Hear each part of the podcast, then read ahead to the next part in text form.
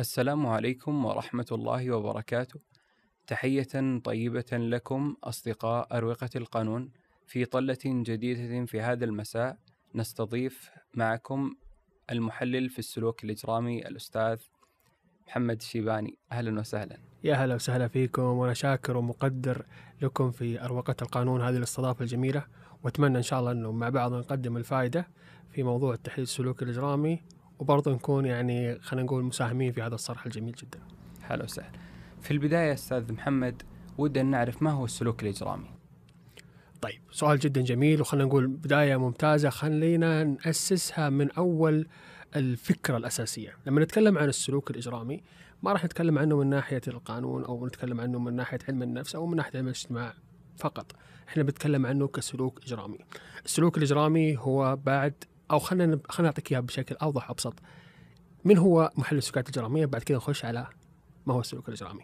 محلل السلوكيات الاجراميه هو مختص يكون في آخر الدائرة بعد ما تنتهي عملية التحقيق أو بعد ما تحصل الجريمة ويكون فيها تحقيق ويكون فيها عملية مرافعة ما بين ادعاء وما بين دفاع وبعد كذا يكون فيها حكم وإدانة وبعد كذا يودع إلى السجن مو بس آه، أو ما هو وهذا المحلل ما راح يكون مختص بكل الجرائم وبكل المجرمين لا بيكون في عنده نوعين محددين إما مجرم بجرائم متسلسلة ثلاث جرائم فأكثر أو مجرم واحد بجريمة عنيفة.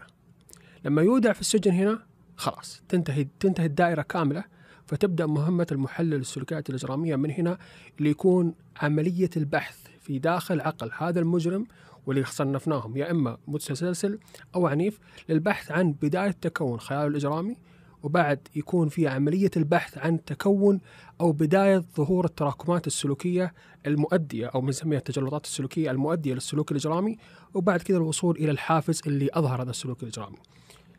بعد ما ينتهي تنتهي هذه العملية عملية التحليل والبحث يقوم المحلل السلوكيات الإجرامية بأخذ هذه الخبرة السلوكية الإجرامية من عقل إجرامي مدان حقيقي لنوع من الجرائم ويقوم على عملية تدريب أو نشر أو وضع هذه الخبرة الإجرامية للمختصين في أول الدائرة للمحققين مختصي الأدلة الجنائية للمحامين للقضاة في حال وجدتم مثل هذا النوع من المجرمين عندكم ملف يكون موجود فيه هذه الصفات المحددة.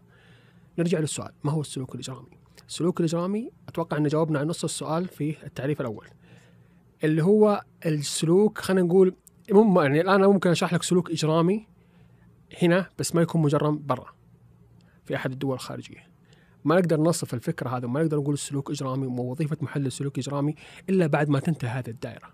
هو سلوك بشري منحرف مؤدي إلى ارتكاب جريمة إما بحق النفس أو بحق الغير. كذا نقدر نصنفها. بس نحتاج عملية إدانة وتحقيقات ومسرح جريمة وأدلة جنائية في نوع الضحايا نوع سلاح الجريمة علشان نقدر نوصل لهذه الفكرة. لأنه لما نتكلم عن تحليل السلوك الإجرامي الكريمنال بروفايلنج إحنا نتكلم عن حاجة أدق شوي بمعنى أنه نعامل عقل المجرم وكأنه الوحيد من نوعه ما في أحد زيه. يعني هو حصل كظاهرة فنعالجه. ومن هنا نقدر نقول الفوارق اللي ما بينه وما بين باقي الأقسام. في نقطة مهمة جدا ممكن نستغل كذا الفرصة هذه إنه نتكلم فيها. آه محل السلوكيات الإجرامية ما هو محقق. وشرحنا كيف وضعه في الدائرة الدائرة الكاملة. وليس بمحامي وليس بأخصائي نفسي وليس بأخصائي اجتماعي. هو مختص في مجال معين. لما نتكلم عن التحليل السلوكي الإجرامي ك ك كوظيفة محلل آه هو يرى أن السلوك الإجرامي هذا بكامله من نوع ضحايا من طريقة التنفيذ من نوع الجريمة من مكان الجريمة من تاريخ الجريمة أو زمان الجريمة ووقتي واليوم اللي كان ارتكبت الجريمة. والأحداث ما بعد وقبل الجريمة هذه مهمة جدا بالنسبة له. حياة المجرم من إدراكه للحياة إلين دخوله للسجن مهمة بالنسبة له. بعطيك أمثلة بعطيك مثال بفرق ما بينه وما بين علم النفس الجنائي عموما. تحليل السلوك الإجرامي يعامل المجرم هذا على أساس إنه مجرم مميز حتى لو إن أصبح هناك منه عدد كبير. بعطيك مثال. عندك الآن 11 لاعب في فريق واحد. الفريق هذا يحمل اسم معين. ولكن عندك مراكز عندك حارس مرمى عندك خط دفاع عندك خط وسط عندك خط هجوم. كل لاعب فيهم عنده صفات معينة نقاط قوة معينة نقاط ضعف معينة نسبة خبرة. أوامر موجودة مع أنهم كلهم يحملون نفس اسم الفريق ونفس التيشيرت أو نفس القميص. مهمتنا في تحليل السلوك الإجرامي أن نميزهم نقول هذولي هذا يلعب قلب دفاع هذا يلعب ظهير أيمن نشرح المواصفات الخاصة فيهم. علم النفس الجنائي يقول لك أو يدرس الجريمة كظاهرة ولا يدرس عقل المجرم كظاهرة. هذا الفرق الجوهري. يعني نستطيع أن نقول أن المحلل السلوكي الإجرامي هو المظلة؟ لا مش مظلة هو خلينا نقول هو جزء مختص بفكرة العقل الإجرامي بشكل دقيق. أو أش- ب- أو ببسطها لك هو المظلة للجريمة؟ آه ببسط لك أنا ببسط أنا كمان حاجة ما بضيعكم في النقطة هذه. كأن المجرم يأخذ عقل أو كأن المحلل الإجرامي يأخذ عقل المجرم هذا ويضع يضعه ك ك كاشاره للوكيشن أو دليل لموقع محدد يوصل المحقق والمحامي والقاضي إلى الدافع. معنى دليل من عقل مجرم كيف نشأ كيف تكون عنده السلوك الإجرامي كيف تفجر السلوك الإجرامي كيف ارتكب جرائمه إيش كان يحس وقت الجرائم إيش كان يحس بعد الجرائم وكيف حصل أو كيف شعوره بعد إلقاء القبض عليه. هذه الأمور بتساعدك مستقبلا في وقوع نفس هذا النوع من الجرائم إنك تقلل عدد المشتبه فيه وبنيجي بنيجي الأمثلة في الأسئلة الجاية عن القضايا اللي تكلمنا فيها. طيب أستاذ محمد الشخصية اللي يرتكب الجريمة كيف يعني كيف نصف هذا الشخص؟ أو من هو هذا الشخص؟ لما نتكلم عن المجرم أو خلينا نخصصها الآن لما نتكلم عن تحليل السلوك الاجرامي بنتكلم عن المجرم ذو الجريمة العنيفة أو المجرم المتسلسل. لما نتكلم عن هذا التكوينين نتكلم عن تكوين خاص ذو صفات مميزة لا تمت السلوك البشري بصفة. بمعنى يكون عندهم جزء من تكوين سلوكي منحرف أما النرجسية أما معاداة المجتمع أما آه، أو خلينا نقول نوع من آه، أو بسط أكثر نوع من إلقاء اللوم على المجتمع وعدم تحمل مسؤولية الأخطاء اللي ارتكبها آه، عدم التعاطف. هذه من المواصفات تكون غالبا في سلوك الشخص. الميال للسلوك الإجرامي. المجتمع المحيط فيه أو البيئة اللي يعيش فيها هي من تفعل هذه الأشياء. هي اللي تفعل السلوك الإجرامي بشكل واضح. يعني ما راح نقول إنه الشخص اللي يكون عنده عدم تعاطف مع الآخرين هو مجرم بال- بالنهاية أو بالأصل. لا ما ما نقدر نقول الشيء لأنه في ناس مشهورين مثل الرئيس التنفيذي لشركة أوبر هو مصنف بأنه سايكوباث لا يملك أي نوع من التعاطف ويعتبر الرئيس أو يعتبر رئيس تنفيذي هو من يعني رفع شركة أوبر إلى أن وصلت ودخلت السوق الأسهم. فهذا سلوك إجرامي تم توظيفه في مكان معين. ساعد هذه النقطة انه الضغط على الموظفين عملية أخذ أكبر عدد من المصالح الممكنة ورفع أسهم هذه الشركة بس لما نجي نتكلم عن المجرمين لا نتكلم إنه عنده بيئة محددة ساعدت في تفاعل هذا هذه التركيبة السلوكيه. شخصية المجرم ما هي بالشخصية العادية، شخصية اللي من الممكن أن تكون ذات صبر طويل جدا. ذات ذكاء عالي جدا، ولما أقول ذات ذكاء عالي جدا أنا ما نتكلم من ناحية الإعجاب بقدر ما نحاول نفهم إنه آه هذا السلوك الاجرامي أو هذا العقل الإجرامي عنده القدرة إنه ممكن يبقى خامل لمدة 15 20 سنة. في قضايا أنا شفتها جلس 15 20 سنة ليبني شخصية للمجتمع تكون هذه الشخصية آه، حامية له في وقت تكابل الجرائم وفي حال سقوطه يكون هذا النوع من الشخصيات حامي له أو مسبب نوع من الربكة. عملية الصبر هذه وعملية الذكاء وعملية التنظيم والقدرة على تغيير سلوكه الإجرامي كلها مبنية على التفاعلات مع المجتمع. أعطي مثال اوضح. نعرف الصورة النمطية عن متحرشين جنسيا بالأطفال بأنهم لا يستطيعون الزواج أو الارتباط ببالغين. في نوع منهم الآن متح... أو خلينا نقول متطور أصبح يتزوج وينجب أطفال علشان يبعد المجتمع عن هذه النظرية أو عن هذا الم... عن... عن فكرة تصويره كمتحرش جنسي بالأطفال. لأنه الصورة النمطية المعروفة عن المتحرشين جنسيا بالأطفال بأنهم لا يستطيعون إنجاب الأطفال أو لا يستطيعون الارتباط بشخص بالغ آه، من غير جنسه أو من جنسه أو شخص بالغ من غير جنسه عموما آه، ويكون عنده صعوبة في التعامل مع الأشخاص البالغين وصعوبة في عملية إقامة الصداقات مع الأشخاص من جنسه وغير جنسه. بس لما يرتكب هذا الشيء إحنا لما نعرف هذه الصورة نقول لا معقولة. صعبة. إي مو معقوله عنده أطفال. وبعضهم يدخل سلك أو يدخل يدخل مجال ويدرسه 15 20 سنة علشان يتيح له الوصول للأطفال. كوظيفة.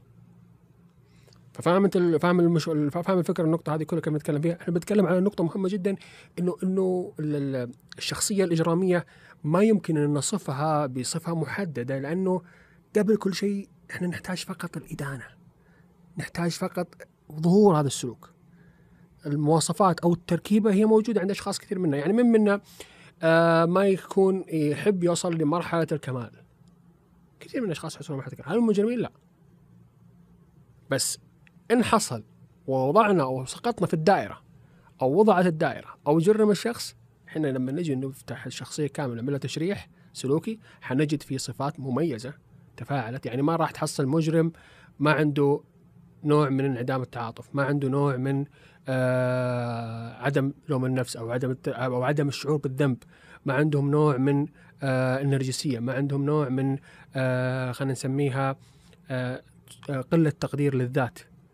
كلها حتحصلها فيهم. بس نتكلم عن البيئة اللي محيطة اللي ساعدت وفعلت في هذا السلوك الإجرامي. أستاذ محمد هذا يقودني إلى سؤال آخر. كيف الشخصية الإجرامية يكتسب هذه هل هي عادة أو شيء مكتسب؟ الصفة الإجرامية. طيب سؤال جميل جدا. خلينا أول شيء بنبسط الفكرة أساسا من أولها إحنا كبشر نعيش داخل مثلث. أو خلينا نقول مع ال social media نعيش داخل مربع. المربع هذا في أصدقاء المدرسة في أصدقاء الحي وفي أهلنا اللي في البيت وفي أصدقاء ال social media. الأربع أو المربع هذا هو مؤثر علينا بكل بكل يعني بكل طريقة ممكنة مباشرة أو غير مباشرة. لما نتكلم عن اكتساب الصفة أو السلوك الإجرامي هي لا يعني خلينا نتكلم وأنا أتكلم من باب تجربة. 11 سنة. هي لا تولد مع الشخص.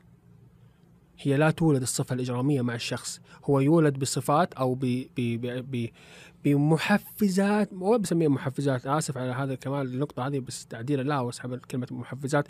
بأشياء محف أو خلينا نقول آه صفات مورثة ممكن أن يكتسبها أو تتضاعف أو تتفاعل وتصبح سلوك إجرامي. بس ما هي بسلوك إجرامي هي تحتاج بيئة حاضنة. الأصدقاء الموجودين أو إحنا ما نبغى نحط على الأصدقاء. ممكن الحرمان الزايد داخل البيت أو ممكن الدلال الزايد داخل البيت ممكن الانفتاح الكامل مع الأصدقاء ممكن انغلاق الكامل على الأصدقاء. يعني الصفات هذه كل ما زادت أو توسعت أو خلينا نقول كل ما كان في نوع من التفريط أو الإفراط كان في نوع من عملية التضييق على السلوك. ونقطة مهمة جدا. قبل ما نتكلم عن السلوك الإجرامي يكون في مراحل نسميها السلوك المنحرف. السلوك المنحرف هي ما هي مهمة السلوكيات الإجرامية هي نقدر نلاحظها. نقدر نلاحظ الطفل لما يبدأ يكذب كثير نقدر نلاحظها لما الطفل يبدأ ينش أو يبدأ يكون عدواني. هنا ما نقدر نقوله هنا أنا من يعني من باب أروقة القانون ودي أوجه نصيحة لل يعني للأهالي والأشخاص اللي في المجتمع عموما إنه ترى في دكاترة وأخصائيين نفسيين مهمتهم إصلاح هذا الخلل السلوكي. لا نفكر بالسلوك الإجرامي. كثير من الناس بدأ يعني يخاف وبدأ يحاول يسأل السؤال اللي سألته وأشكرك عليه أنه متى تظهر شخصية السلوك الإجرامي؟ لا إحنا ما نقول متى نظهر المفروض ما نفكر في هذه النقطة. إحنا نقول لما نشوف الشيء الخطأ اللي يرفضه الشرع والقانون والأعراف المجتمعية هنا ممكن إحنا نعالجها في مختصين في أخصائيين نفسيين وأخصائيات نفسيات وأطباء نفسيين وأطباء نفسيات يساعدون في عملية تأهيل وإعادة الشخص إلى البيئة اللي موجود فيها بشكل طبيعي سواء كان هذا الطفل يعاني أو هذا البالغ يعاني آه، من مشاكل سلوكية أو كان ضحية لجريمة. تحرش اغتصاب عملية إصلاحه مهمة جدا لأنه عملية عملية التجاهل السلوك المنحرف هو اللي يقود إلى عملية التضاعف في عملية السلوك. بعد كذا لا قدر الله يحصل عملية إجرام إما بحق النفس كإدمان أو انتحار أو بحق غير جرائم غير زي القتل السرقة الاغتصاب وما إلى ذلك. يعني الشخصية القا... شخصية آه، المجرم لا تكون يعني آه، من الداخل يعني يكون بداية إنسان عادي بعدين منحرف ثم ذلك يصل إلى السلوك الإجرامي سواء على النفس أو على الغير. كلامك ممتاز آه، ولكن بضيف عليه جزئية مهمة جدا. إحنا ما نقول ما هو من الداخل والخارج فقط هو عنده محفزات داخلية. لكن في عوامل ضاغطة stress point أو stress points أو عوامل أو نقاط ضغط موجودة من الخارج ساعدت في عملية تفعيل هذه الأشياء الداخلية بدل من إخمادها. بعطيك مثال أوضح وأسهل عشان يكون بس واضح واصل لنا جميعا عن ضحية التحرش الجنسي بالأطفال. خلينا نقول عندنا طفل تعرض للتحرش الجنسي بدل عملية لوم الطفل وإنه أنت لو ما رحت يا فلان للمكان الفلاني وما رحت يا فلان للمكان الفلاني ما صار فيك زي كذا. ولا عملية إنه بعد ما يصير عملية التحرش الجنسي يتم إهمال الطفل ويتم عدم توجيهه أو أو, أو عرضه على مختص نفسي. مع الوقت الطفل هذا حيعاني من آثار هذا الاعتداء حيكبر حيبلغ حيبدأ يكون عنده إما شعور بالحقد على المجتمع خصوصا إنه ما ساعده أو يكون عنده رغبة للبحث عن الهروب من شعور الذنب فيبدأ يرتكب جرائم تجاه أشخاص وضحايا يشبهون عمره ارتكب فيه الجرائم عشان يبعد عن نقطة الذنب اللي تبرمج فيها بأنه أنا مسؤول عن اللي صار لي. فأبحث عن أطفال طبعا مش تبرير أنا قاعدين نشرح بس اللي قاعد يصير في عقل الإجرامي فأبحث عن أطفال أعتدي عليهم هم في نفس عمري علشان أقنع نفسي أنه اللي صار مو بغلطي زي ما حصل مع التوربيني في مصر في 2009 أو يكون الشخص بعد كذا يعاني من مشاكل تجاه يعني يعني يبدأ ينحرف كنوع من الإدمان أو كنوع من عدم ثقته وارتباطه بالأشخاص الآخرين. يعني مثلا يكون عنده انعدام الثقه بالنفس انحراف عندما يرفض يرفض مرة ومرتين طبيعي من أي أنثى في ارتباط يشعر بأنه اللي حصل له في الماضي هو مشكلته فيبدأ في عملية الانحراف أكثر فأكثر فأكثر. فإحنا بنتكلم عن يولد أو تجد أو يكتسب تكتسب الصفة. في السلوك الإجرامي كتجلط سلوكي كحدث حصل الحدث هذا ممكن مداركته أو تداركه بالتوجه إلى الأشخاص نتكلم عن صدمة. لما الصدمة هذه تحصل وتكون موجودة. يمكن تداركها بالتوجه للمختصين بعملية الاحتواء المجتمعي بعملية العلاج إذا كان يحتاج علاج نفسي كامل يتم احتوائها. لأنه بعد ما يكون في عملية إهمال لهذه النقطة حتحصل تراكمات تشبه هذه النقطة. التراكمات هذه مع مرور الزمن حتصل لمرحلة كأنك قاعد تعبي كاسة. بعد ما تتعبى الكاسة وتبدأ تفيض خلاص إحنا نسميها المحفز أو ال أو ال أو ال trigger. من هنا حيبدأ يخرج السلوك الاجرامي للمجتمع. في هذه الفترة اللي من التجلط إلى المحفز حيكون قدامنا حاجة نسميها الخيال الإجرامي. هو جالس يعيش داخل مخه وجالس يبني الأشياء والعوامل والاركان اللي بتساعده على الوصول إلى حافزه. فهي تعتبر داخلية خارجية من الجهتين أستاذ محمد في سؤال. هل ظاهرة الفقر أو ظاهرة النقص لها ارتباط مع ظاهرة السلوك الإجرامي؟ هذه الظاهرة يعني. آه هنا نقطة جميلة جدا سؤال جميل جدا يمكن يرجعنا للسؤال الأول. آه أو سؤال الفروق في دراسة عقل المجرم. ما هي بالارتباط الكامل؟ تخيل. أنا شفت جلست مع ناس حرفيا أنا أتمنى حياتهم. من كثر ما شاء الله تبارك الله عملية الاستر أو عملية الازدهار اللي هم موجودين فيه الترابط الهدوء. ولكن هذا الشيء برضه يحفز على نقطة ثانية مهمة جدا ونسميها شعور المقامر اللي هو أو شعور لاعب القمار اللي يبغى يغامر بالشيء اللي عنده عشان يمكن بيحس إنه بيفقده يشعر بيشعر بالرتابة. فالفقر ممكن يكون أو العوز ممكن يكون محفز للسلوك الإجرامي أو مكون للسلوك الإجرامي أو واحد من الأشياء اللي تحفز الخيال الإجرامي. بس ما هو بالشرط الأساسي. وبرضه موضوع الغنى موضوع الحالة المادية ما هي موجودة. إحنا بنتكلم عن التفريط والإفراط. كنا قاعدين يمكن نرجع نقيسها بالتفريط والإفراط. أعطيك مثال بشكل سريع. أنا من الأشياء اللي من الأشياء اللي صادفتها في حياتي يمكن أحد الحالات يعني وصف وصف شعوره بأنه أول مرة في حياته يسمع كلمة لوم وذنب بأنه أنت تحمل اللي سويته كان لما نطق القاضي بالحكم عليه ب 18 سنة. تخيل. وعمره 34 سنة. تخيل 34 سنة ما في أحد من أسرته كان يلومه عن يكسر قزازة يقتل شيء يقتل حيوان أليف أكرمكم الله. ما حد كان يلومه. فأول مرة في عمره 34 سنة سمع أول لوم له.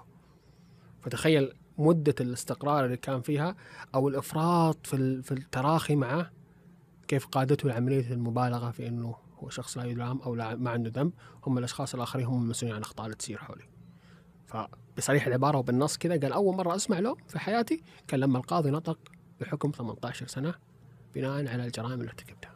طيب كيف يتعامل محمد الشيباني مع المجرمين أو أي مجرم سواء على النفس أو على الغير؟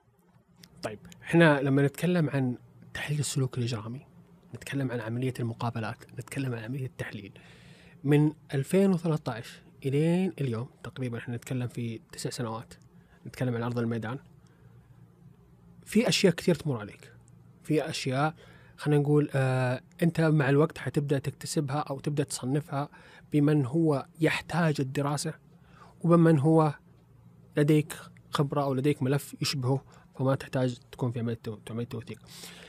التعامل معهم هو التعامل مع الحالات من خلينا كيف صارت كيف صار التعامل حاليا؟ نتكلم من في تسع سنوات. كان أول شيء التسع سنوات هي بناء خلينا نتكلم هو نقسمها. أول ثلاث سنوات عملية بناء قاعدة بيانات. من مجرمين سواء كان عالميين محليين إقليميين أشخاص قابلتهم أشخاص سمعت عنهم أشخاص وصلت لك قضاياهم بعد الثلاث سنوات هذه في 2017 توفرت لي فرصة انضمام الاتحاد الدولي للقانون الطبي اللي فتح لي أفق أكبر باني تصل لي قضايا من أشخاص يعملون في الأنظمة القانونية في دول مثل أو في دول في قارات زي أمريكا الشمالية، أمريكا الجنوبية، أوروبا، آسيا، أفريقيا فاعطت كمان نوع من إنه الآن لازم يكون في تصنيف أكثر أهمية إنه ما هو بالقاعدة البيانات من يحتاج الدراسة ومن لا يحتاج الدراسة. من هو المهم ومن هو الأهم بالدراسة. عملية تعاملك معهم والثلاث سنوات الأخيرة هذه صارت مبنية على كيفية تطور السلوك الإجرامي. عندك ست سنوات قاعدة بيانات ومن هو الأهم والأهم من المهم والأهم. بعد كذا لما تجمعهم مع بعض في عملية تطور سلوك إجرامي. عملية التعامل معها هي تعامل مع معادلة.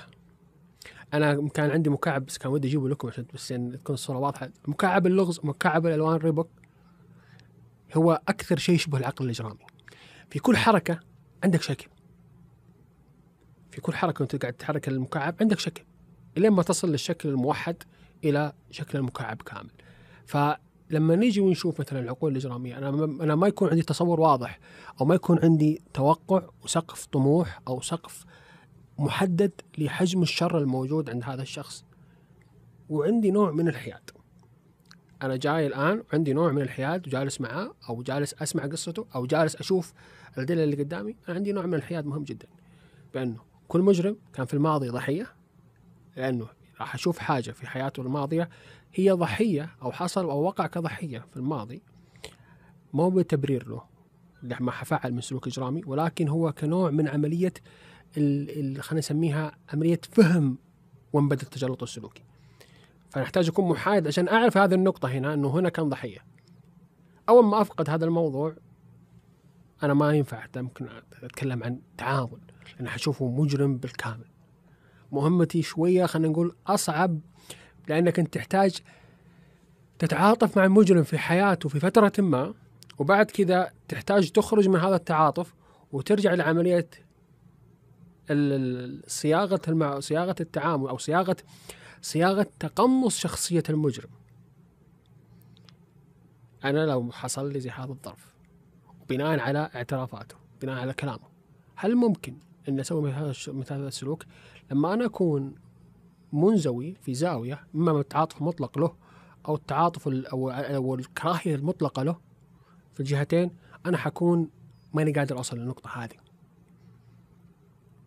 فعملية التعامل معهم هي أشبه بعملية اللي أنت تحتاج تتقمص سلوكياتهم تتقمص مشاعرهم عشان توقف في مسرح الجريمة وتعيد تمثيله داخل عقلك تعرف أنه هل فعلا كان منطقي جدا اختيار النوع من الضحايا هذولي؟ طيب بعد ما اختار هذا النوع من الضحايا هل سلاح الجريمة يوافق الدافع أو الرغبة اللي كان يبحث عنها؟ هذا واحد. اثنين أو ثلاثة اثنين ثلاثة هل طريقة التنفيذ تشبه الرغبة اللي كان يبغى يوصل لها أو اللي كان يوصفها؟ تمام ولا لا؟ أربعة ما, ما مسرح الجريمة كيف تركوا لي؟ منظم غير منظم المشاعر اللي كانت موجودة في مسرح الجريمة كل هذه الأشياء أنت تحتاج تأخذها من المجرم نفسه. تحتاج تبنيها من خبرة المجرم نفسه. فعملية التعامل ما أقدر أصيغها بجملة إلا أنه تحتاج أن تكون محايد. وللأسف نتكلم في فترة المقابلات أو في فترة دراسة سلوك المجرم إذا كان غايب لأنك تحتاج أنك تحضره بال بال بال بالمصطلح العامي تحتاج أنك تحضره إذا مو موجود عندك أنت تحتاج أنك تحضره. تحتاج تجلس كذا تجهز لك جو أنت تحبه فنجان قهوة وتخليه فنجانين حرفيا يجلس قدامك وتحاول تسأله طيب ليش؟ ليه سويت كذا؟ ليش اللي حصل زي كذا؟ كثير من الأشخاص يرجع لمقاطع أو أشياء قديمة وتكون تطلع صح في التحليل. هي ما هي من نوع السحر أو نوع من التبصير هي نوع من عملية المقابلة. وهذا يمكن أول مرة كنا نعلنها في في- مكان. هي نوع من المقابلة الاسترجاعية. أنت تجيب الشخص وتسأله. تروح للمكان اللي ارتكب فيه مثل هذه الجرائم وتعيشها يمكن الآن في مقطع مشهور في أحد القنوات لقضية مهمة جدا وهي قضية خطف الدمام تكلمت عن نقاط مهمة جدا أنا ما كل ما كان لي علاقة كاملة في التحقيق لا من قريب ولا من بعيد أنا كنت زيكم متفرج فيها وكنا موجودين في الحجر كنا كنا جالسين في بيوتنا ولا لي علاقة من قريب ولا بعيد ولكن عملية المقابلة الاسترجاعية اللي كانت موجودة إنه أنت جالس تتخيل أنك في مكان طيب ليش كذا؟ ليش هذا؟ ليش هذا؟ ليش هذا؟ ليش هذا؟ فنقطة التعامل هي أشبه بالتريك أو بال, بال أو بال بالخدعة اللي تكون مبنية أصلا على القاعدة البيانات الموجودة عندك القضايا اللي في مو... اللي سبق واطلعت عليها وهنا نصيحة مهمة جدا أقولها لطلاب القانون طلاب علم النفس الجنائي وعلم الاجتماع الجنائي. كل ما كان عندكم قاعدة بيانات من القضايا سواء كان العالمية أو المحلية أو الإقليمية كل ما كان عندكم قاعدة بيانات في داخل عقلكم كل ما ساعد العقل إنه يكون أكثر ابتكار لأنه تحتاجون عملية فنية في عملية إظهار الربط ما بين السلوك الاجرامي، العالم يشوفونها من برا يقولون wow وش ذا الحركات الحلوة؟ ال showing الحلو ذا، بس بالنهاية لما نجي نشوف التفصيلة الواضحة كل اللي حصل هو إنك ربطت ما بين سلوكيات إجرامية تطورت بناء على قاعدة البيانات الموجودة عندك. الله خلقنا بس بمعدل ذكاء يعني جميل جدا عند كل واحد كل واحد يعني عنده القدرة على عمليه الربط. فالمرحلة هذه هي مهمة جدا. بعد كذا كيف تستنزف نفسك. ما ينفع تستنزف نفسك. من المهم ومن الأهم.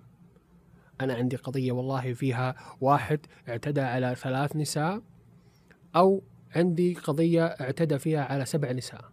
طيب لما نجي نشوف الثنتين بنشوف الأكثر تعقيدا. ثلاث نساء موجود عندي في الملف موجود إنه موجود في مثلا في الملفات بنفس النوعية بس النوع الثاني اعتدى على نساء مثلا مو بالاعتداء الجنسي لا اعتدى عليهم بمادة الأسيد.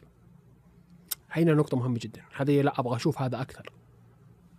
هذا ممكن يكون في خليه على ويت ليست كحالة ممكن تساعد في عملية تطوير المجال حقي أو في مجال الملفات الموجودة.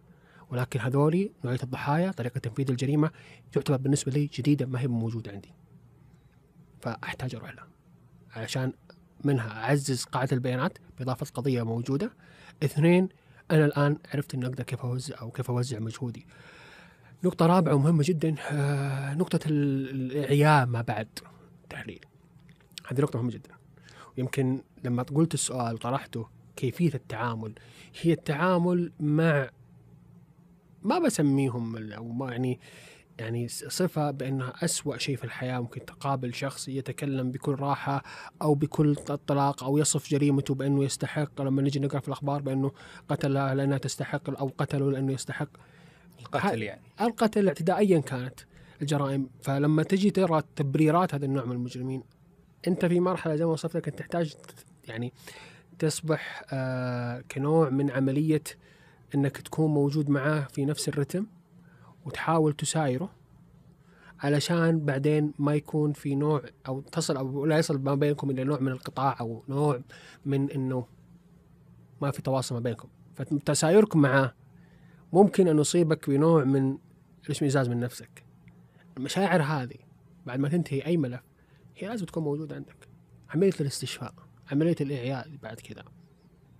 هل تحتاج تراجع فيها أخصائي طيب؟ أستاذ محمد هذا السؤال يقودني لسؤال آخر بما أنك إيه. تطرقت في النقط محلل السلوك الإجرامي كيف يفصل آه، دراسة قضاياه الإجرامية مثلا مع كثرة دراستها وكثرة البحث والخوض في مسرح الجريمة ومع حياته يعني ومع تعامله مع الأشخاص مثلا غير مجرمين العادية؟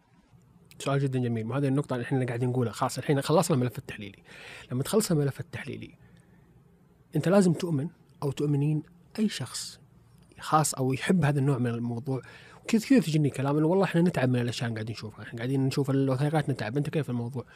عملية تعبنا هذا طبيعي. هذا جزء من إنسانيتنا. هذا إحنا اللي قاعدين نعيشه. مرحلة التشافي أو مرحلة خلينا قبل ما نوصل مرحلة الفصل في مرحلة التشافي مرحلة مهمة جدا. مرحلة التشافي هي مرحلة إنك تدرك فيها إنه أنت في مرحلة تحتاج ثلاث ثلاث خيارات، أول خيار هو أقربهم أو خلينا نقول الأبسط هي عملية قدرتك على الفصل أو عملية عدم المبالغة في التفكير وجلب الأمور إلى حياتك الخاصة. يعني خلصت انتهى الملف هذا أنت محدد له خمس أربع ساعات آه خلاص أنا حقفل بعد أربع خمس ساعات ارسل إذا جاني إيميل والله مثلا من محقق في ولايه أريزونا بقول أنا آسف الآن أنا في في وقت راحتي أو أنا بنام الآن وقت مختلف. ايا كان لا تكون ضاغط على نفسك بشكل يجبر نفسك أو يجبر نفسك إنه أنت حتصل لمرحلة الاحتراق. لأنه إذا وصلت للمرحلة هذه انت لازم تعترف أو تعترفين إنك تحتاج إلى أخصائي أو آسف قبلها تحتاج إلى إجازة. إجازة طويلة جدا. ما فيها أي نوع من الجرائم. ويمكن الكثير من الأشخاص يلاحظ هذا الشيء فيني. رمضان عادة أنا ما أتكلم فيه عن أي سلوك إجرامي سواء كان في تويتر سناب شات أو أي موقع تواصل اجتماعي. أنا أعيش هنا في في رمضان إجازتي الكاملة. قدر الامكان ما أحاول إني أتطرق فيها. حتى لو كتبت كتاب تغريده وخلاص. ما أخذ فيها البال الطويل. النقطة الثالثة وهي النقطة الأهم هي مدى إدراكنا فيها، هل وصلنا للمرحله إذا ما قدرنا نفصل وما قدرنا ناخذ الإجازة ونفصل ولا زالت عندنا مشكلة، لا زال عندنا نوع من انعدام التوازن النفسي، الضغوطات، التوتر. اعترافنا الضمني إنه الآن جاء وقت المختصين. طبيب, طبيب نفسي, نفسي أخصائي نفسي أروح له أقول له ترى أنا عندي مشكلة في نومي مشكلة في نوبات الغضب عندي مشكلة في عملية الكوابيس هذه النقاط الثلاثة مهمة جدا إنك تكون مؤمن فيها قبل كل شيء بعد كذا نوصل للنقطة الأهم نقطة الفصل مع الخبرة طبعا أنا راح أقولها بتبان كأنها نظرية انها شيء سهل. بس مع الخبرة ومع الوقت تصل لمرحلة تعرف فيها أو تعرفين فيها لما تجلسون في مجلس أول سنة الشغف يقودك إنك تسولف عن القضايا في كل مكان. لدرجة إنك تحس إنه العالم بدأوا يعني واو ينبسطون يشوفون قديش ال... بعدين تبدأ ترى وترين إنه العالم كله بدأ ينفصل عنكم. يعني أصحابكم المقربين شوي بدأوا يبعدون شوي. الناس بدات يعني لأنه سوالفنا كلها دم سوالفنا كلها قتل العالم ما تسمع زي كذا. هذه المرحلة مؤذية. هذه المرحلة مؤذية حتى ممكن تكون من الأشياء اللي تضاعف شعورك بالوحدة وتصعب عليك عملية إنك يصير في عندك استشفاء عملية الفصل. أنت كيف تفصل عن عن شغلك؟ تطلع والله مع أخوياك تشرب قهوة أو تطلعين مع صاحباتك لمطعم. بس لما ما يكونوا موجودين. هنا المشكلة. حتقول حاخذ إجازة؟ حتقولون حتاخذ إجازة اخذ إجازة. طيب أوكي حتاخذون إجازة. المرحلة هذه لما تصل للمرحلة إنه يدخل في حياتك هو أشبه بال... بال... بالرمال المتحركة. حيبدأ يسحبك يسحبك ويسحبك مع كل حركة مع كل مقاومة. في لحظة إحنا في حاجة في في في خدعة دائما أسويها مع نفسي وبيني وبين نفسي. ثوب أروح فيه وثوب أرجع فيه. خلاص. بمعنى؟ بمعنى. أنا ثوب عندي ثوب في السيارة. وثوب أنا لابسه أو بدله في السيارة؟ أنا لابسها أطلع أرجع بلبس ثاني. كنوع من عملية الفصل إنه خلاص أنا ببدا أقنع عقلي فيها.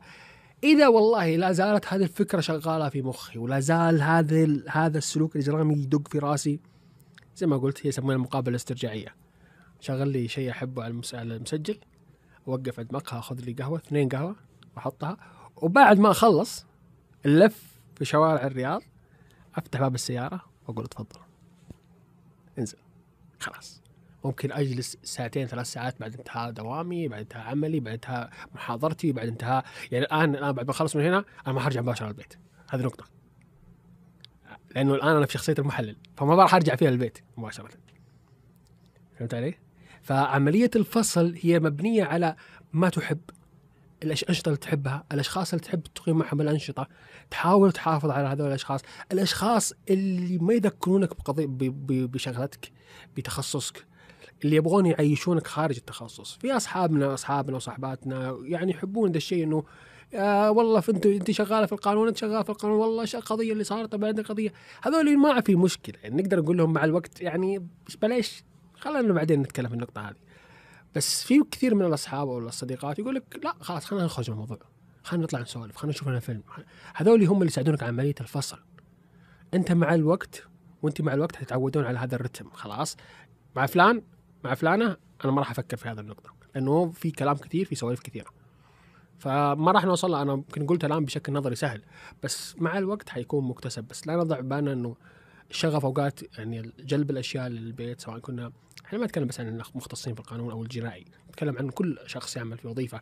إن وصل إلى حدود الهوس والشغف العالي جدا بشغله ممكن ياثر على حياته. ممكن إذا قلنا الطبيب وصل لمرحلة كبيرة جدا من عملية الحرص وعملية التأثر بدوامه وذا وجابه البيت ممكن يسبب مشاكل حتى نفسية من نوع الوسواس القهري مثلا. كمثال كمثال فقط يعني لا أكثر ولا أقل الوسواس القهري في عملية النظافة مثلا. كمثال. فكلنا كوظائف إذا زاد الشيء عن حده ينقلب ضده زي ما يقولون. فأتوقع إنه يعني نعطي نفسنا وقت يعني نقدر نقول آه، القاعدة اللي لا إفراط ولا تفريط. إفراط ولا تفريط. هي هذه النقطة مهمة جدا. أستاذ محمد بعد الخبرة ال 11 سنة بين القضايا وبين مسرح الجريمة وبين آه، المجرمين ما هي أرعب يعني قصة مرت عليك أو حدث يعني؟ طيب خلينا نبدأ بقضية خلينا نقول هي غريبة نوعا ما. قبل ما تكون أرعب آه كانت في 2019 كنا في مؤتمر في طوكيو آه فكان مؤتمر اتحاد الدولي للقانون الطبي. ففي مشكلة إنه الكل أطباء شرعيين وقانونيين وأنت الوحيد اللي فوق راسك كذا علامة إنه محل السكات اجراميه فطبيعي الكل حيجي يرمي عفشه عندك. فكنا على وقت غداء ففي شخص يعمل في دولة تشيلي آه طبيب طبيب شرعي قال لي أنا أبغاك في موضوع وأنا عندي case لها سنتين شاغلة بالي هي إلى حد هذه اللحظة يعني هي يعني تقفلت وإلى حد هذه اللحظة عندي أبغى أفهم إيش اللي حصل فيها. أنا من باب الأخطاء اللي دائما أسويها الشائعة توقعت إنه الشخص بيرسلها لي فقلت له okay خلنا نشوفها. فغاب عن فتح عن نظري لحظات ورجع معاه ملف وحطه على الطاولة. وقت غدا كان. يعني ليش اللي مذكرني من وقت غدا؟ والقضية تفاصيلها جدا مرعبة. التفاصيل كانت كالآتي. هو هي آه، طقوس شيطانية أقيمت تجاه سياح أو أشخاص سائحين. كانوا يخطفون كانوا كانت مجموعة مؤلفة من أب وأم وابن يخطفون السائحين اللي يجون لتشيلي من سانتياغو. وبعد كذا يروحون للمدن أو السواحل في دولة تشيلي. يخطفونهم بعد كذا يرتكبون فيهم أو يعني يقتلون الأب ويقتلون الابن. وركز على التخصيص. هم ماخذين ابن وأم وولد. يقتلون الأب والابن وبعد كذا يأخذون الأم أو الأنثى الموجودة في التكوين هذا وبعد كذا يبدون يقطعون آه، أو يبدون أنا آسف على التفاصيل شوي المرعبة هذا والمؤلمة يبدون ياخ- يأخذون ال- ال- ال- الأوردة ذات النزيف الأقل. والمؤلمة السبب؟ إنهم يحاولون يستنزفون أو يحاولون يستخرجون الدم ببطء. الوقت هذا يقومون فيه صلواتهم أو قربانهم لروح هم يعبدونها الثلاثة أو المجموعة هذه. فلما نتكلم انه وركز على النقطة هذه هم يشبهون التكوين حقهم. التكوين الخاص بالجريمة نفسها بالمجرمين نفسهم أب وأم وابن. فكأنهم يأخذون الريبليسمنت حقهم. فلما حطها قدامي أنا استغربت اللي يعني للحظة قلت يعني هم يعني أول حاجة قضية أول مرة أشوفها في حياتي. آه، ما عمري صادفت هذه النقطة الموجودة آه، في في في العالم العربي عندي إنه بيكونوا من هذا النوع. إنه عندنا يعني خلينا نتكلم عن الطقوس الشيطانية ال- ال- أو التضحيات تجاه ال- ال- التضحيات البشرية تجاه الطقوس الشيطانية. فما كانت موجوده فقلت له اترك الملف موجود. فلما قاعد أشوف الملف كان في نوع وأنت قاعد تقرأ القضية كان في نوع معليش. كان في نوع من وأنت تقرأ القضية كان في نوع من عملية التشابه. ولكن تبقى السيدة هي الوحيدة. يعني هم لما يقتل الولد والابن ليش يخلون السيدة تنزف بهذا الشكل المستديم؟ ليش تنزف هذا الشكل المستديم؟ ف لما جلست معه وسالته إنه بس أبغى معلومات أكثر عن السيدة هذه كم أعمارهم؟ كم أعمارهم؟ فوصف لي إياهم بأنه الأب عمره 62 الأم عمرها 60 سنة الابن عمره 40 سنة. ف للحظه كذا أنت جالس قدامك تشوف هي عملية صح وإذا كان المرأة أنا آسف يمكن قاعد استرجع شوي من ذكريات القضية نفسها وإذا كانت المرأة أما لديها ال- ال- الحيض ح- ينتظرون يجلسون منتظرين إلين ما يعني تتطهر وبعد كذا ينفذون فيها الجريمة. لما وصلت لهذه المرحلة وهذا الشيء بالذات ولأنه في ضحية من الضحايا كانت أمريكية كانت موجودة ووصفوها بأنها كانت غير مؤهلة لعملية لعم- لعملية التضحية غير طاهرة عملية التضحية. فانتظرنا للنتيجة هذا الشيء. هذه نقطة جدا مهمة لأنه عمل غير طبيعي أو عمل غير معتاد آه، قام فيه هذا المجرم. بالعادة ضحاياهم يكونون من ثلاثة أيام إلى أربع أيام بعد كذا يتم إيجادهم على السواحل أو على آه، مفترق الطرق أو على طرق السفر. موجودين مقتولين. آه، الأب الأب والابن بطلقة ناري مباشر. الأم أو المراه أو الانثى الموجودة معهم تكون بقطوع أدت إلى نزيف مستمر أدى إلى الوفاة. يعني وفاتها كانت مؤلمة جدا.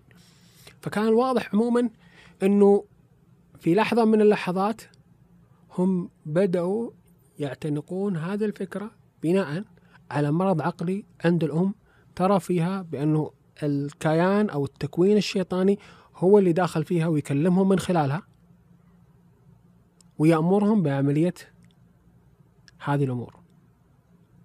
فلما وصلنا للمرحلة هذه بديت أسأله قلت له خلاص أنا عندي بعطيك ثلاث أشياء حاول إنك تبحث فيها هناك. أبحث عن تاريخ الأم أبحث عن الصدمات الح... تاريخ الأم من ال- التاريخ الطبي لها من ناحية الاعتداءات الجنسية وابحث عن مدى الصحة العقلية بالنسبة لها. فأخذ وقت يمكن تقريبا إلين نهاية 2019 كان في ديسمبر 2019 أرسل لي رسالة يمكن كانت سطر واحد أو أقل من سطر واحد.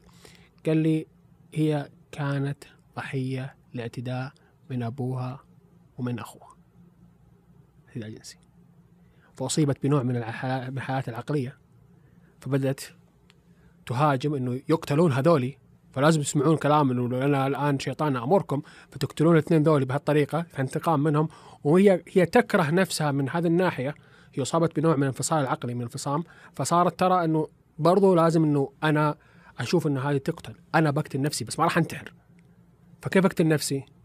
بأنكم أنتم قاعدين تعذبون هذه البنت بهذه الطريقة. فهمت علي؟ فما ك... ما كانت الفكرة عموما واضحة إلا لما وصف بهذا الشيء لأنه استمرارها هي حية. وجود هذا التكوين المشابه لتكوين عائلتها الموجودة ما ما راح يتكرر بشكل طبيعي. بالعادة مجرم واحد يستهدف بدلاء لشخص واحد في حياته. ما ينفع يكونوا مستنسخين. يعني مثلا عند ثلاث مجرمين تستهدفون ثلاث ضحايا من نفس الشكل. بطريقة مختلفة إلا وفي حاجة غريبة جدا. والشيء اللي زاد الغرابة أكثر هي عملية انتظار واحدة من الضحايا إلين ما تتطهر من الحيض بعد كذا يصير في عملية تنفيذ. الوقت اللي صرفوه أو اللي أعطوه في هذا الموضوع كان يعني بشكل كبير المجرم بشكل أو يعني بشكل كبير لسلوكهم الإجرامي بأنه ضمن الخطة. عادي نصبر. قضية ثانية برضه هي مرعبة جدا. ممكن نتكلم على الشيء المرعب مرعب مرعب بشكل كبير جدا آه غير قابل للت- للتصديق أو للعقل. هي قضية حصلت آه يمكن ما هي مشهورة كثير. هي قضية حصلت في مصر. آه، واشتهرت بقضية يعني اشتهرت اعلاميا هناك بقضية المرج. وكانت القضية إنه أب وأم أو أم قامت أو يعني غرقت أطفالها في حوض من المادة الحارقة علشان ترضي زوجها. فالقضية بدايتها كانت إنه شخص تزوج بسيدة كبيرة في السن آه هذا الشخص كان عاطل آه السيدة هذه اشترت له نوع السيارة التوك توك علشان يشتغل عليه. بعد فترة الشاب هذا يبغى أطفال راح وتزوج واحدة من القرية وجابها للبيت بعد ما أخذ موافقة الزوجة الأولى. الزوجة الأولى لما شافت اهتمامه و لأنه هو كان مهتم فيها أكثر لأنه كانت تعطيه المال وكان يعني كان اهتمامه فيها فقط مادي. هي مصدر المال الموجود له. بس لما جات البنت الثانية أو الزوجة الثانية وبدأت تحمل وتنجب فمالت عاطفة الزوج إلى هذا السيدة الثانية. فرأت أنه الآن خلاص أعطيني التيك توك واعطيني أو أعطيني التوك توك وأعطيني الأغراض حقتي وخذ عيالك وزوجتك واطلع برا. ونرجع نرجع لأول نقطة أساسية في عملية تكوين السلوك الاجرامي كيف ممكن يظهر السلوك الاجرامي فجأة كذا؟ فقال لها لا. إيش ود إيش اللي يرضيكي؟ قالت اللي يرضيني إنها تقتل أطفالها. يرضيك كذا؟ أوكي. راح وقال للزوجة الثانية أنا ابغاكي اولا راح ننطرد برا وراح تاخذ منا كل شيء وحنرجع نجوع. فشرطها الوحيد إنه نقتل الأطفال.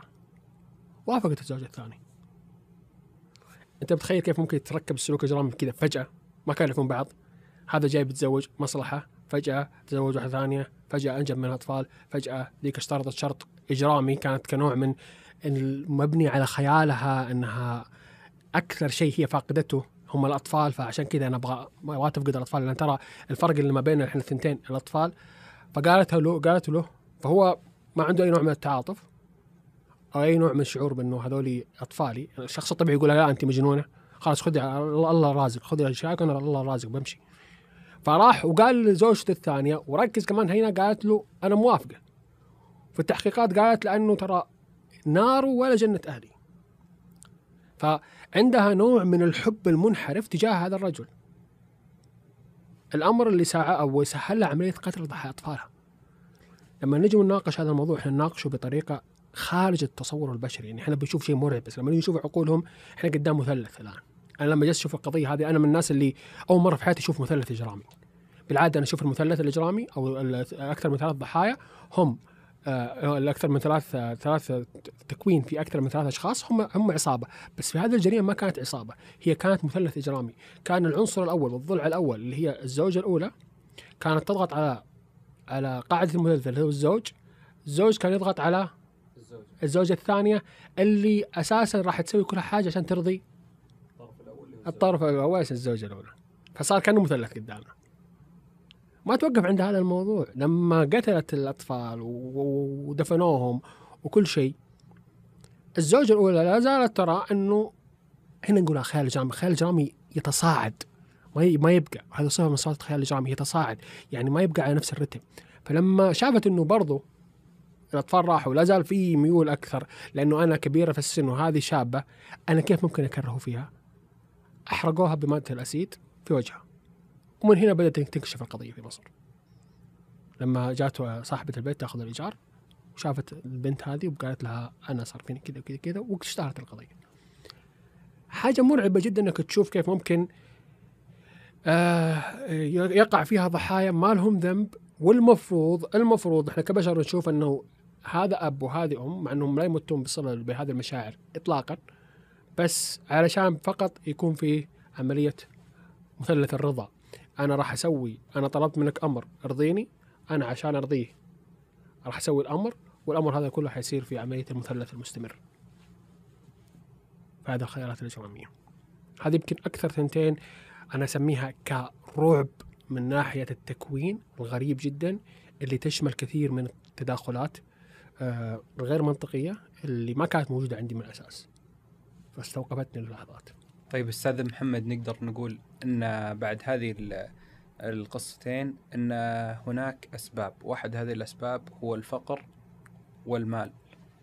يعني نقدر نقول إن في أسباب مؤدية للجريمه تذكر لي أسباب يعني دارجة بحكم خبرتك؟ يعني إحنا زي ما قلنا قلنا موضوع الفقر وزياده زيادة الفقر والمال أو العوز المادي عموما والاكتفاء المادي. والعوز العاطفي والاكتفاء العاطفي جدا. ترى في مرحلة إحنا نتكلم فيها عن نرجع النقطة الأساسية للشخصية الإجرامية.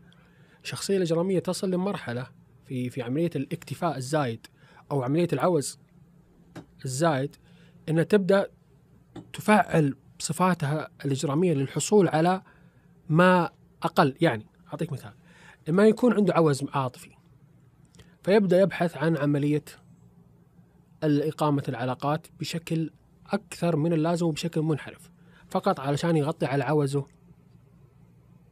العاطفي.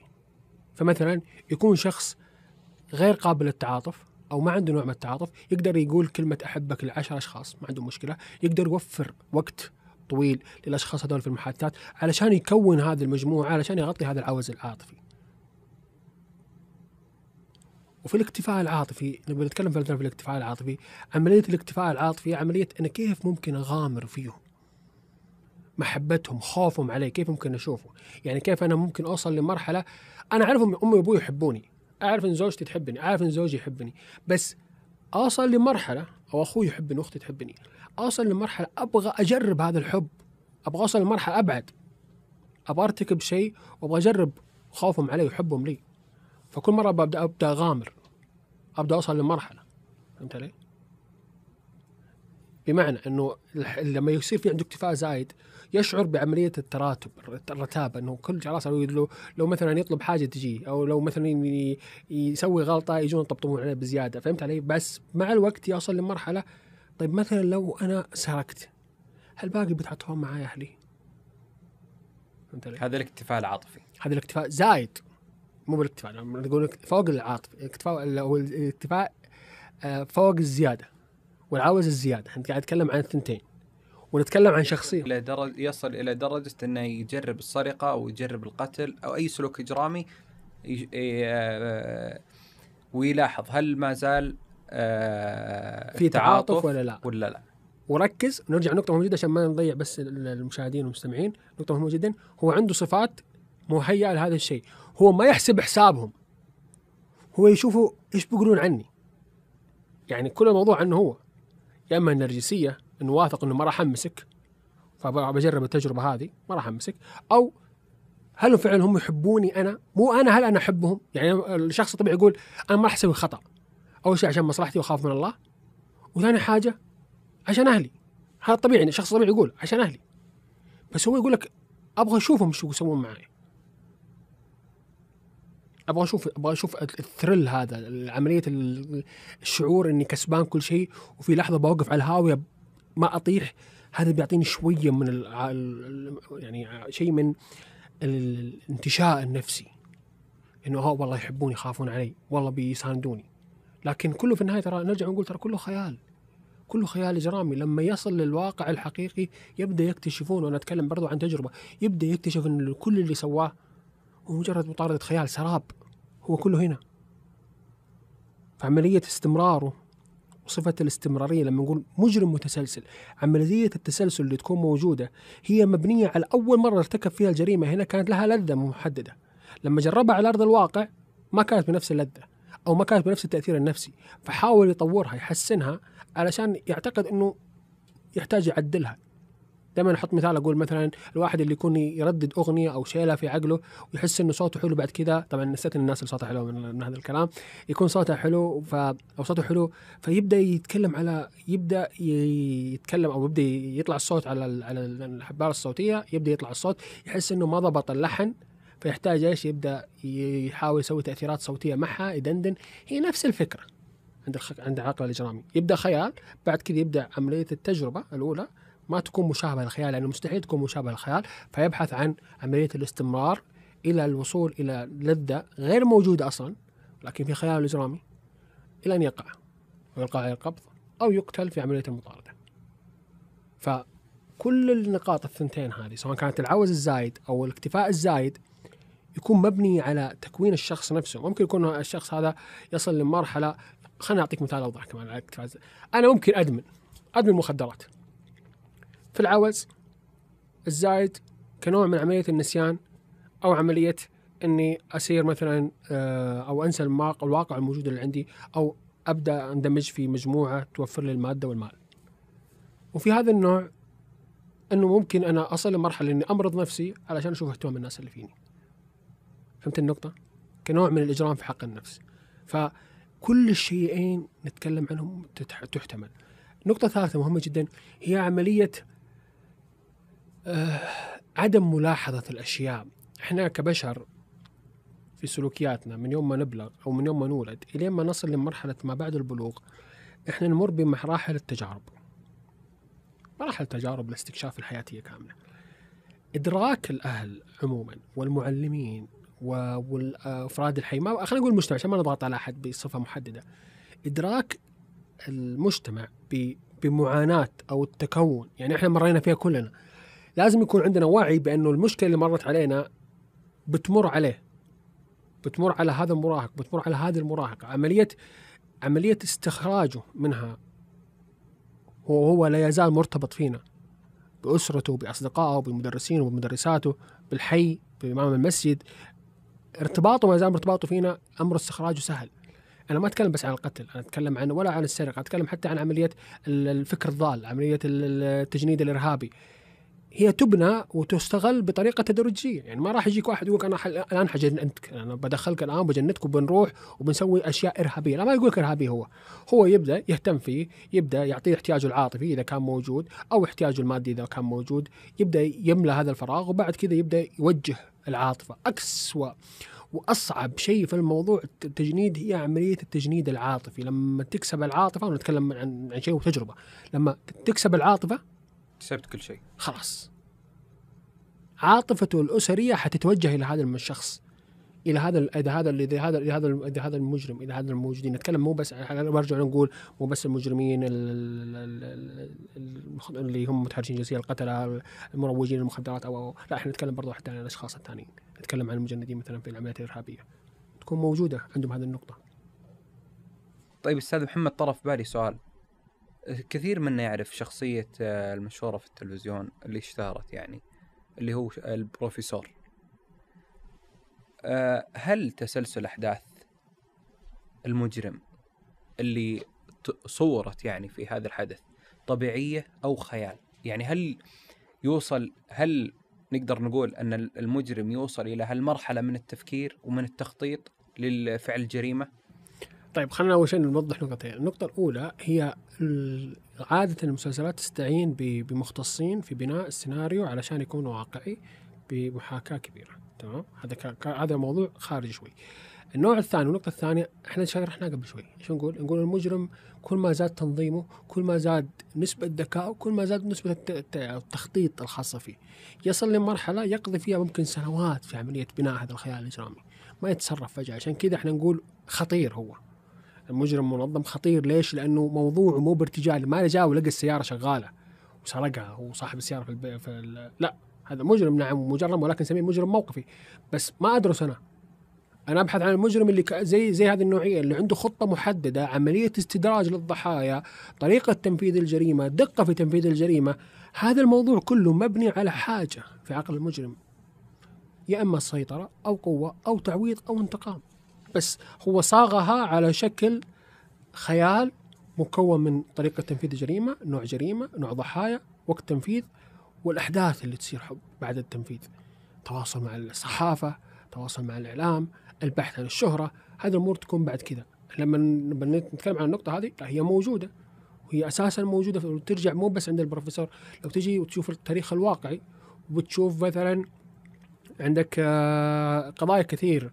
كثير كثير يمكن من أشهرها آه، السفاح جاك في 1888 H. H. Holmes في 1906 آه، محمد المسفيوي في المغرب 1908 أو 1907 كلهم كانت مبنية على عملية التنظيم. محمد المسفيوي كان يستدرج بنات وكان يعمل في في محل آه، إسكافي اللي هو اكرمكم صلاح أحذية. فكان يستدرج البنات عن طريق عجوز. تقول لهم عندي مكان يسوي أحذية ممتازة. وبعد كذا يقتلهم ويدفنهم في نفس المكان الموجود فيها. عبود وخجاوة اللي هم كانوا موجودين في البصرة وكانوا في وقت في في في مجاعة. كانوا يقتلون الأطفال وبعد كذا يوزعون لحم الأطفال على أهل المدينة على أساس إنه لحم إنه لحم كوارع مقادم فهم عندهم الفكرة هذه إنه إحنا عندنا القدرة إننا نصل لمرحلة من الخيال الإجرامي في التنظيم إلى أنه نغطي جريمتنا أو نبعد في تخطيط الجريمة نصل لمرحلة مخرج آه، مدخلات معالجة ومخرجات. على أساسها يطول فترة البحث عنه هو يشوف ذا الشيء. قدرته على إنه ممكن ينجو فعلته مع إنه ما راح يقدر يسوي هالشيء. ثلاثة والنقطة المهمة جدا أنا ما تصرفت بهذه النقطة إلا وبعد ما استثمرت كثير من الوقت والجهد في بناء هذا الخيال لما نشوف مثلا مثل واقعة البروفيسور ما راح نقول لهم خط أمس لا لا لا جيبوا جيبوا تاريخ قديم شوي ارجع ورا شوي ارجع. روح شوف أبعد شيء. مو أمس كل ما كان الموضوع معقد ومركب بشكل صح كل ما زاد الاستثمار الوقت فيه. المجرم أخذ وقته الكامل ما تلقى فيه ثغرات. زي ما الآن لما نجي نشوف الاستديو هذا بني بشكل ممتاز وبعناية. عكس لما نجي نحط مثلا أربع جدران ونحط سقف على طول نقول يلا بنصور. ما بتخش علينا الأصوات. لكن الآن كلها مقفلة الأصوات ومعزول بشكل ممتاز. لأنه أخذ وقته أخذ وقته وتم تصميمه بعناية. نفس الفكرة خلال الجماعة. طيب أستاذ محمد ما أثر الوراثة في الجريمة؟ أو هل الجريمة تورث للأبناء؟ طيب خلينا أول شيء سؤال جميل جدا بس خلينا أول شيء يمكن معلش طيب خلينا أول شيء نجاوب في نقطة مهمة جدا. فكرة الجريمة وراثة. شرعا. ما فيه أجمل من تصوير رب العباد للإنسان وخلقه فيه. ورب العالمين اختص نفسه وسمى أو وصف نفسه بأعدل الحاكمين هذا بناخذها من هذا الشيء يعني عملية التكوين الإنساني والبشري غير قابل أن نقول أنه يولد مجرم لو ولد مجرم إحنا ليش نحاسبه فهمت؟ خلاص هو ولد مجرم ليش نحاسبه؟ بناخذها من المقام الأول. المقام الثاني لو فعلا كان في هذه النقطة وثابتة ويولد مجرم يولد المجرم مجرما أو ابن المجرم يولد مجرما كان من السهل جدا ترقب وترصد ال- الجرائم بشكل كبير خصوصا إذا ما عرفنا أنه عندنا مجرمين كثير في العالم عندهم أبناء. فمن باب أولى أنه نسجن أبنائهم وهذا فيها ظلم كبير. نسجن أبنائهم. يمكن آه، يعني والآية تقول أعوذ بالله من الشيطان الرجيم ولا تزر وازرة وزر أخرى. لا. نسجنهم ونعاقبهم عشان على فكرة واحدة أنه ممكن تورث. ما في شيء اسمه جريمة تورث. في صفات ممكن تكون محفزة. الصفات العادية اللي تورث تورث للشخص. هي تكون محفزة وتعتمد على البيئة. ما ما نسميها الجريمة. لو فرضنا أن المجرم يولد أو المجرم يورث أو المجرم الأب يورث المجرم الابن أو المجرم الأم تورث المجرم البنت كان من الأساس بي تي كي وهو أسوأ قاتل أو أسوأ أو أسوأ من أسوأ ثلاث قتلة في التاريخ العالمي والبشري سوءا وبشاعة. عنده بنت وعنده ولد. البنت تعمل مدرسة والولد يعمل في محل أطفاء أو في في في في, في محل خاص بمعدات السلامة الحرائق. كان من باب مسكناهم وقرأنا من القبض. تيد باندي أشهر قاتل مسلسل أمريكي عنده بنت. ليش ما لقينا القبض عليهم؟ تشارلز مانسون. عنده 40 طفل. وينهم؟ ما شفناهم. آه مجرمين كثير جدا كانوا كانوا موجودين.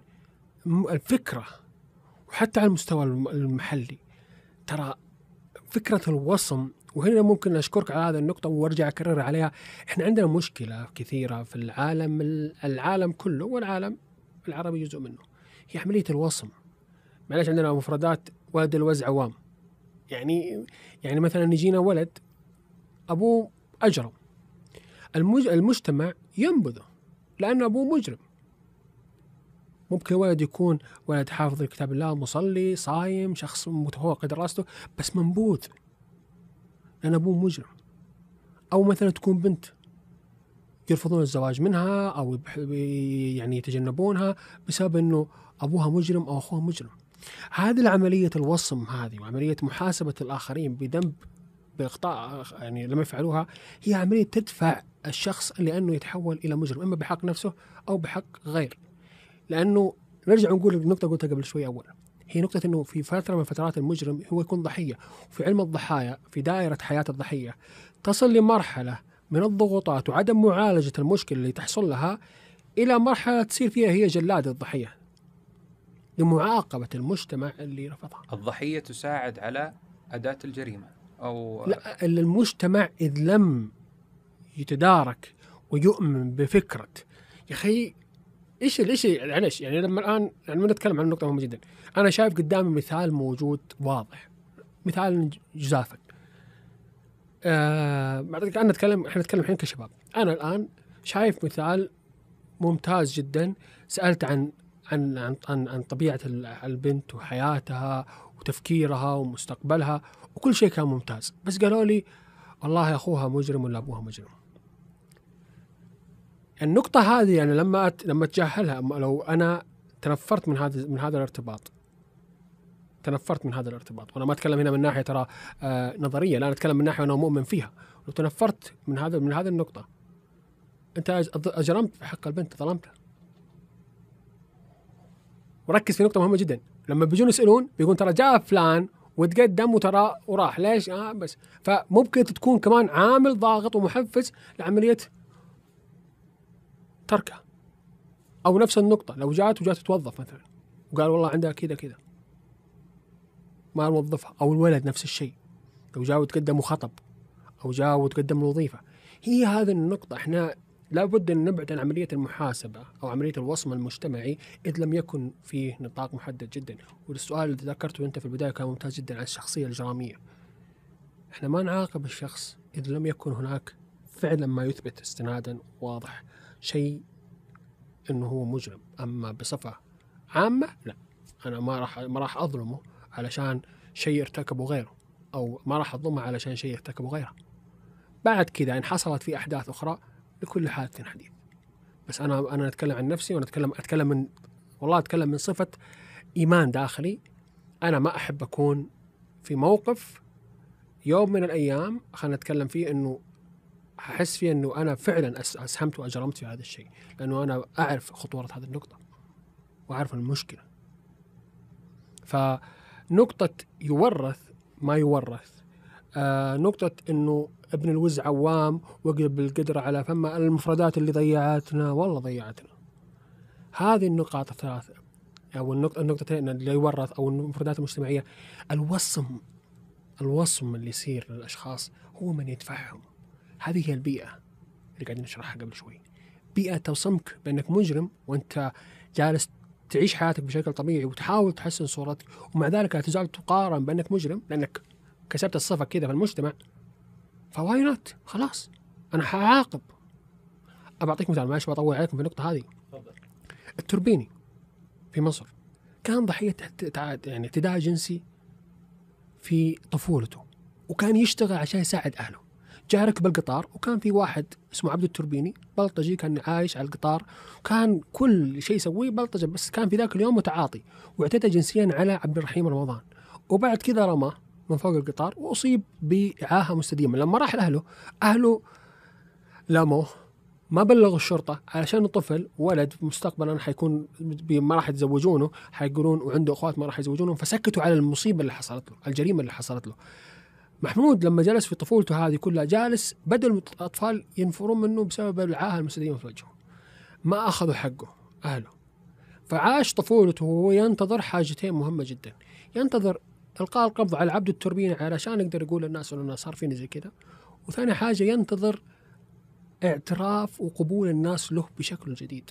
لكن في لحظة لما نشرت قضية وفاة أو وجود جثة شخص عرف عنه إنه عبد التوربيني ميت بشكل طبيعي فوق أحد الأق... في أحد في أحد محطات القطر هنا انفجر وراح سمى نفسه عبد التر... أو سمى نفسه التربيني وراح يستهدف نفس نوع الضحايا اللي هو كان منهم من 12 14 سنة وكان يتعمد ويخبر عصابته إنه لما ما ترمونه في أي وقت لا ارموه لما يكون القطارين متواجهة عشان يضمن إنه ما يعيش الطفل.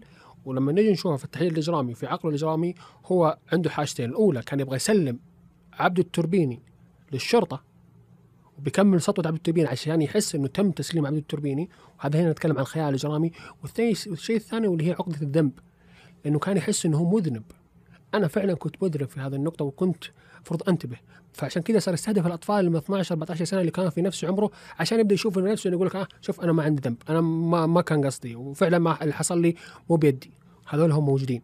وأنا أفضل من عبد التربيني إني ما حخليهم يعيشون. يعانون عانيت منهم. هو يعتقد كذا في مخه. يعني كذا خيال اجرامي كامل إنه مهما حتى اللي سويته عشان ما يحس بالذنب أنا قتلتهم ما راح ما يحسون شيء. واللي يثبت هذا الشيء اللي نشره الخبر نشرته اليوم السابع بأنه لما نطق الحكم بان عبد الرحيم محمود رمضان احيلت أوراقه لسعادة المفتي حضرة المفتي وسعادة المفتي. يعني قصاص ضحك لمدة ثواني بعد كذا بدأ يبكي. ليش؟ لأنه بدأ يستوعب إلى أنه اللي راح ينقص هو محمود رمضان مش عبد التربيني هنا النقطة الأساسية هي الوصم اللي حصل. هنا عملية تدارك عدم تدارك المجتمع للمشكلة اللي حصلت. لو فرضنا أنه تم معاملته وتم التوجه للشرطة وتم إلقاء القبض على عبد التربين وبعد كده تم معالجته نفسيا وتم إدراجه في المجتمع ومعالجته بشكل كامل من جروح وبدأ يدخله في المجتمع. يعني ما بقول هي فرضيا بس ممكن كان في أمور ممكن تختلف. وفي الختام نحن أروقة القانون نقول القانون أينما كنت وأينما تكون وانتظرونا في لقاء قادمة مع ضيف جديد وفي موضوع جديد وشكرا.